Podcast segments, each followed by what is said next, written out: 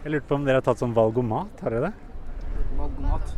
Eh, er det sånn du går på Snapchat og så du velger hva slags mat du vil egentlig spise? Er det sånn der? Eller hva slags mat snakker du om egentlig?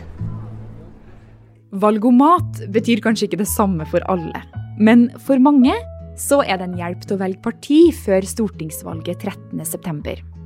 Og det kan jo være deilig å slippe å lese masse partiprogram og følge med på sinte og kranglete debatter og delta i politiske diskusjoner. Og i stedet bare trykk på noen knapper og få svaret på hvilket politisk parti du skal stemme på til høsten. Men bør du gjøre som valgomaten sier? Kan vi egentlig stole på den? Du hører på Forklart fra Aftenposten, og jeg er Marit Eriksdatter Gjelland. I dag er det fredag 6. august. Hver gang det er valg, så dukker de politiske testene opp her i Aftenposten, i VG, på NRK, ja egentlig i alle de store nettmediene her i landet. Hvem skal du stemme på ved valget? Hvilket parti passer for deg? Svar på ti spørsmål og finn din match. Med noen enkle klikk tar du stilling til noen politiske utsagn om innvandring, ulv og vindkraft, og på 1, 2, 3 rangerer valgomaten partiene etter hvem du er mest og minst enig med. Poenget å hjelpe deg å finne partiet ditt i valget. Noen av oss er ikke så veldig opptatt av dem. Valg av mat, liksom? Valg om mat. Valg om mat? Om smaker og politikken, liksom? Nei, hvilken mat du velger. Andre igjen sitter klar foran skjermen før hvert valg. Veldig lurt å ta og stille beredt til høstens uh, store valg. Store valg. Noen kjenner seg kanskje ikke helt igjen i resultatet de får. Senterpartiet og sånn kom litt høyere opp enn forventet. Og jeg vil si jeg er litt mer Høyre-tilhenger enn Senterpartiet. Andre bruker det nesten som en fasit. Ja, jeg har brukt eh, resultatet til å eh, vite hva jeg skal stemme. Mm. Så hvis du har tatt en valgomat for å få fasiten på hvem du skal stemme på, så er du altså ikke alene. Men da er det jo også litt viktig da, at valgomaten gir riktig svar. For resultatene du og andre får i valgomaten, kan jo faktisk være med på å bestemme hvem som blir valgt i høst. Så hvem er mesterhjernen bak? Hvem er det som drar i trådene og som har makta til å styre stemmen din i den retninga hun vil med spørsmålene sine, hvis hun vil? Jeg heter Solveig Ruud, og jeg er en del av det teamet som har laget eh, Aftenpostens valgomat. Jeg har uh, hatt hovedansvar for innholdet. Og Solveig, du er jo politisk journalist og egentlig sånn sett valgomatdronning da, her i Aftenposten. Drar du i noen valgtråd og styrer resultatet med valgomaten din? Eh, du mener hvis jeg skulle prøve å påvirke resultatet dit jeg vil? Nei. Da hadde det blitt en elendig valgomat. Godt å høre, da. Men du, altså eh, Du og resten av gjengen da, som lager valgomaten, dere har jo egentlig en del makt, for dere velger jo ut tema og stiller spørsmålene på en spesiell måte? Det kan vi nok ha, fordi at jeg tror mange, særlig unge, kan eh, stemme i tråd med det resultatet de får i valgomaten. For mange andre så tror jeg kanskje det er sånn at de hvis de føler at valgomaten gir dem et riktig svar, så er det en bekreftelse kanskje mer på hva de har stemt før.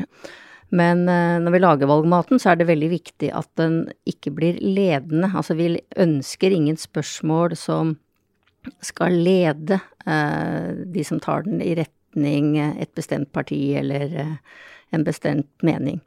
Vi, vi prøver nå å få den så nøytral som mulig, og da blir den også best mulig. Men det er ikke noe enkel jobb. Det skal ganske mye snekring til for å få frem politikken til ni partier så objektiv og forståelig som mulig for alle. Så hva er det egentlig som skjuler seg under topplokket til de morsomme og fine valgomatene? Det skal nemlig ganske mye til for å lage valgomatene du bruker noen minutter av dagen din på. Først så gjelder det å ha en ganske solid oversikt over hva partiene står for, og det får man både ved å følge med norsk politikk og lese partiprogram. Uhorvelig mange sider med partiprogram. Så du har virkelig bladd gjennom side på side med tung politikk og retorikk? Ja, det er ikke noe sengelektyr akkurat, men eh, det må gjøres. Og det er lurt å sitte og lese da med rød penn for å markere eh, standpunkter der man vet at dette er noe bare dette partiet står for, og ingen andre er enig i. Ja, Så du leter etter påstander og ting partiene er uenige om? Ja, det viktigste rett og slett med de påstandene man velger ut, er at de skal splitte partiene.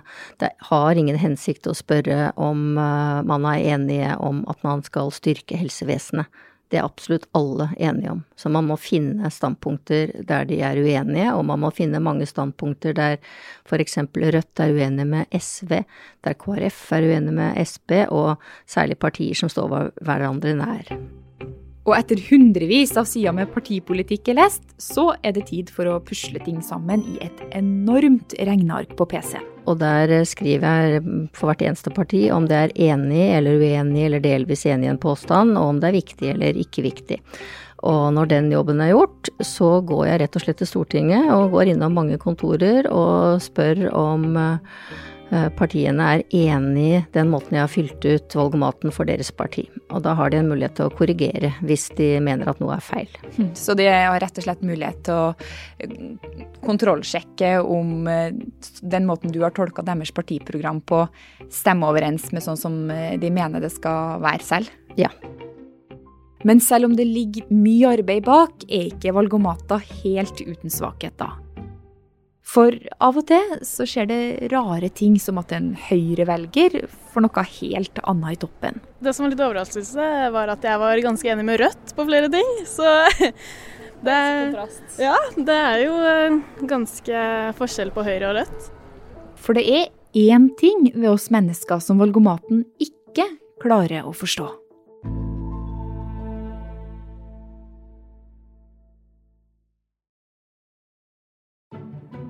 Vi må tilbake i tid, til starten av 2000-tallet. Da begynte de aller første mediene med valgomata, og ettersom årene gikk, så kasta flere og flere seg på. Valget i 2009 eh, så, så ble jeg oppringt av NRK, som da skulle lage en valgomat uh, for første gang, tror jeg. Johannes Berg er valgforsker ved Institutt for samfunnsforskning, og har selv hjulpet til med å lage mange valgomater. For etter den første partitesten han var med på å lage, så ble det mer og mer populært. Og tusenvis av nordmenn trykka seg inn på nettmediene og brukte testene der for å få svar på hva de kanskje burde ha stemme. Og det har hatt en større betydning enn du kanskje skulle tro. Jeg tror det fungerer som en måte å koble seg på politikk eh, på. Altså man blir jo tvunget til å ta stilling til diverse politiske saker. Eh, man får vite litt om hva partiene står for, fordi man får vite hva, eh, hvilke partier som står nærmest en sjøl. Så det fungerer som en, en, måte å koble seg på politikk og, og, bli, og fokusere på det som jo er poenget med et valg, nemlig at man skal ta stilling og man skal stemme på et parti. Jeg skjønner så det har rett og slett gjort det enklere da, for folk å sette seg inn i politiske saker de kanskje ellers ikke ville ha brydd seg så mye om. Mm, men hva gjorde vi da egentlig før valgomatene kom?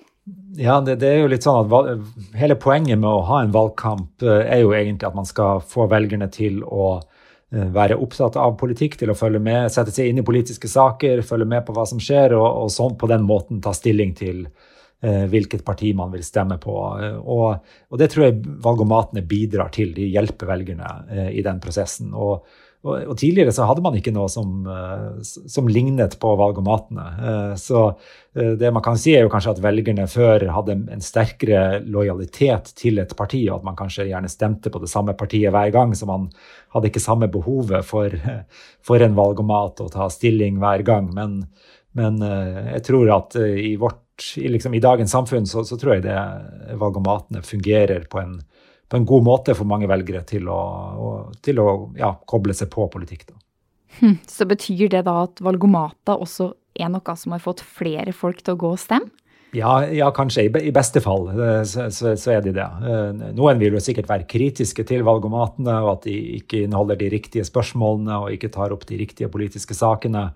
Eh, så, så man kan også være kritisk, men, men jeg tror nok at i, i, hvert fall så fungerer valgomatene på den måten at, man, at den hjelper folk til å ta stilling og til å, å fokusere på det de skal gjøre på valgdagen, nemlig å, å stemme på et parti. Eh, at, at valgomatene på en måte hjelper dem til å ta den beslutningen. Om det betyr at de ikke ville ha stemt eh, uten valgomatene, det, det vet vi jo egentlig heller ikke. Eh, og det, det, det, er jo ikke, ja, det er ikke sikkert. Så den lille politiske quizen vi tar uten at det egentlig føles som noe stort arbeid, bidrar til at vi forstår mer politikk. Eller gjør vi egentlig det? For hva skjer om valgomaten ikke har fått med seg alt og gir mange som tar den feil resultat? Ja, det kan være et problem hvis uh, de som tar valgomatene, stoler helt blindt på, på, resultatene. Det er jo ingen valgomater som får med seg alle uh, mulige relevante politiske uh, spørsmål, så, så, man bør som velger forholde seg kritisk til de resultatene som kommer. Og I tillegg så er det jo opp til mediene og til de som lager valgomatene, å forsøke å i hvert fall fange opp bredden av politiske spørsmål i Norge. Sånn at valgomatene på den måten er, er noenlunde balanserte. Og det her er jo blant annet deg, det, Solveig. Er valgomatene helt uten svakheter? Eh, nei, det er det ikke. Eh, det er f.eks. en stor feil eh, ved at en valgomat tar jo bare utgangspunkt i et knippe spørsmål. Det er ikke sikkert at de spørsmålene er de viktigste for en person når man skal bestemme seg for hvem man skal stemme på. Det er det ene. Og det andre handler om at det er én ting valgomaten ikke forstår. For vi mennesker, vi er mer enn kalde fakta og påstander. Vi har jo også følelser. Noen eh, hater LO, de hater bønder, de hater kristne, noen hater rikfolk, eh, noen hater miljøvernere.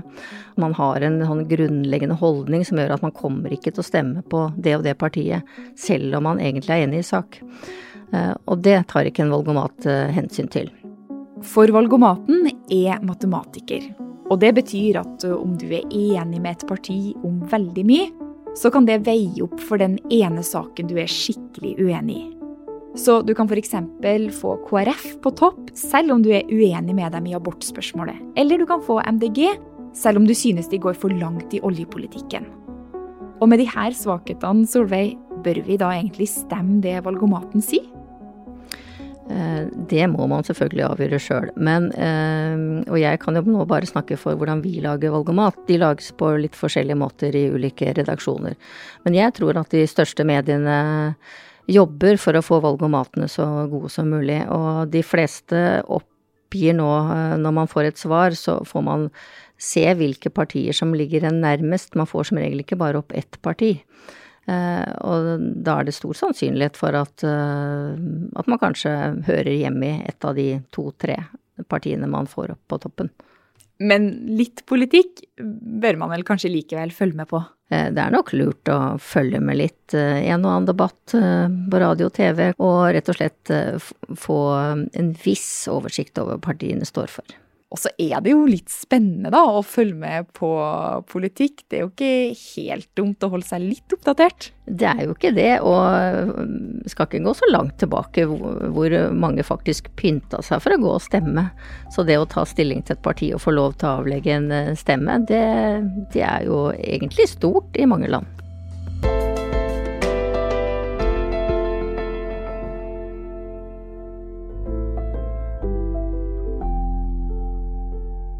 Denne episoden er laga av David Vekoni, Peter Daatland og meg, Marit Eriksdatter Gjelland. Resten av Forklart er Anne Lindholm, Ina Swann, Fride Næss Nonstad og Guri Leiel Skedsmo.